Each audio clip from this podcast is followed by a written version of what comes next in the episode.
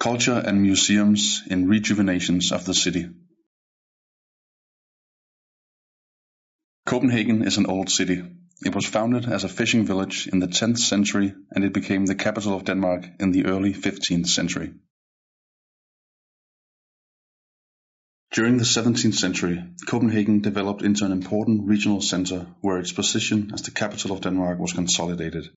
The city suffered greatly from both fires and the plague in the 18th century, but afterwards the city underwent a period of redevelopment where its modern structure was formed.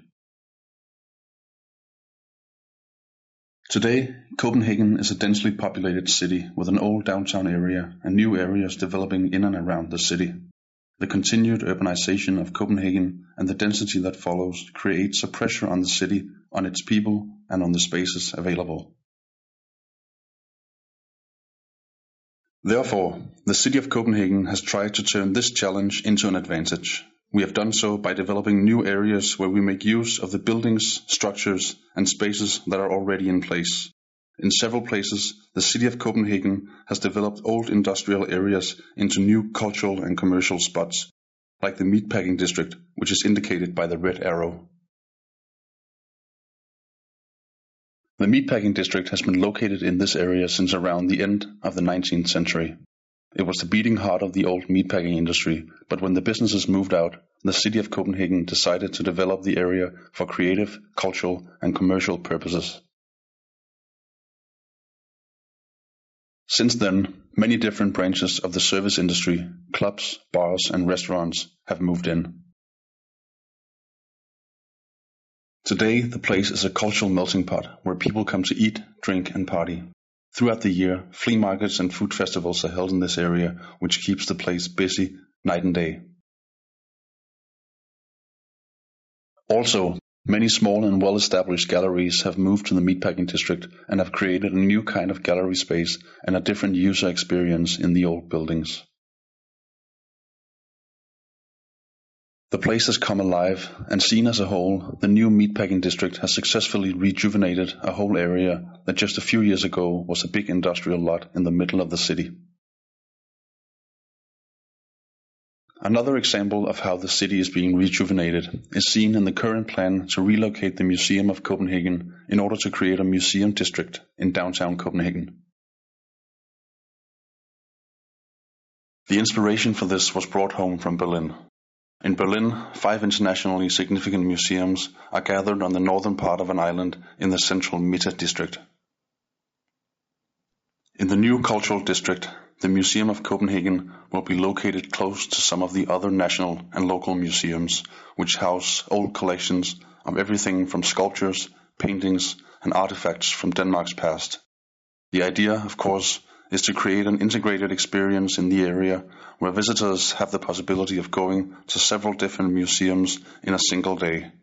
This, we believe, will benefit the museum and the visitors. Moreover, we believe that this will not only create a richer and more coherent museum experience, but we also hope that a synergy will develop where mutually beneficial exchange, coordinated exhibitions, and information sharing between the institutions will take place. Lastly, the hope is that this strategy will rejuvenate the downtown area of Copenhagen and attract more people, both locals and tourists. The museum district will be a new cultural experience for the many tourists who visit Copenhagen. Hopefully, they will see Copenhagen the same way that we see it. At its best, it looks something like what you will see in the following short film.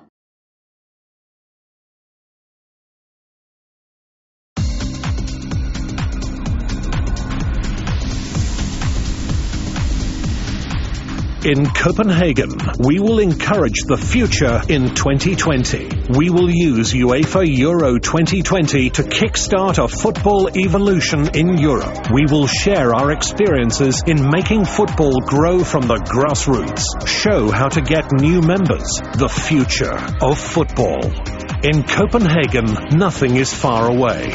In 2020, we guarantee that you can reach every major spot within 20 minutes. Copenhagen is hassle free. When you arrive in Copenhagen International Airport, the city centre is just 20 minutes away.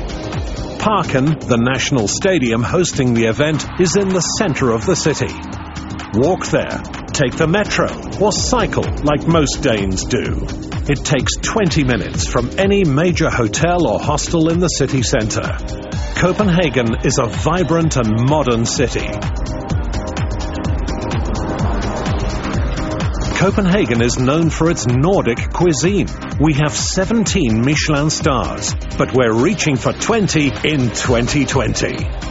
Danes are the happiest people in the world, and Copenhageners are good at partying. It doesn't take you 20 minutes to get a cold drink, more like 20 seconds. And no fan zone will be more than 20 minutes from Parken, our national stadium.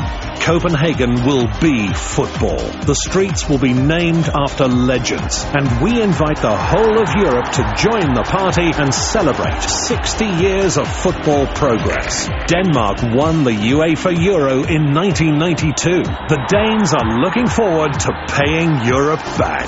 Now it's our time. Let's encourage the future in Copenhagen 2020.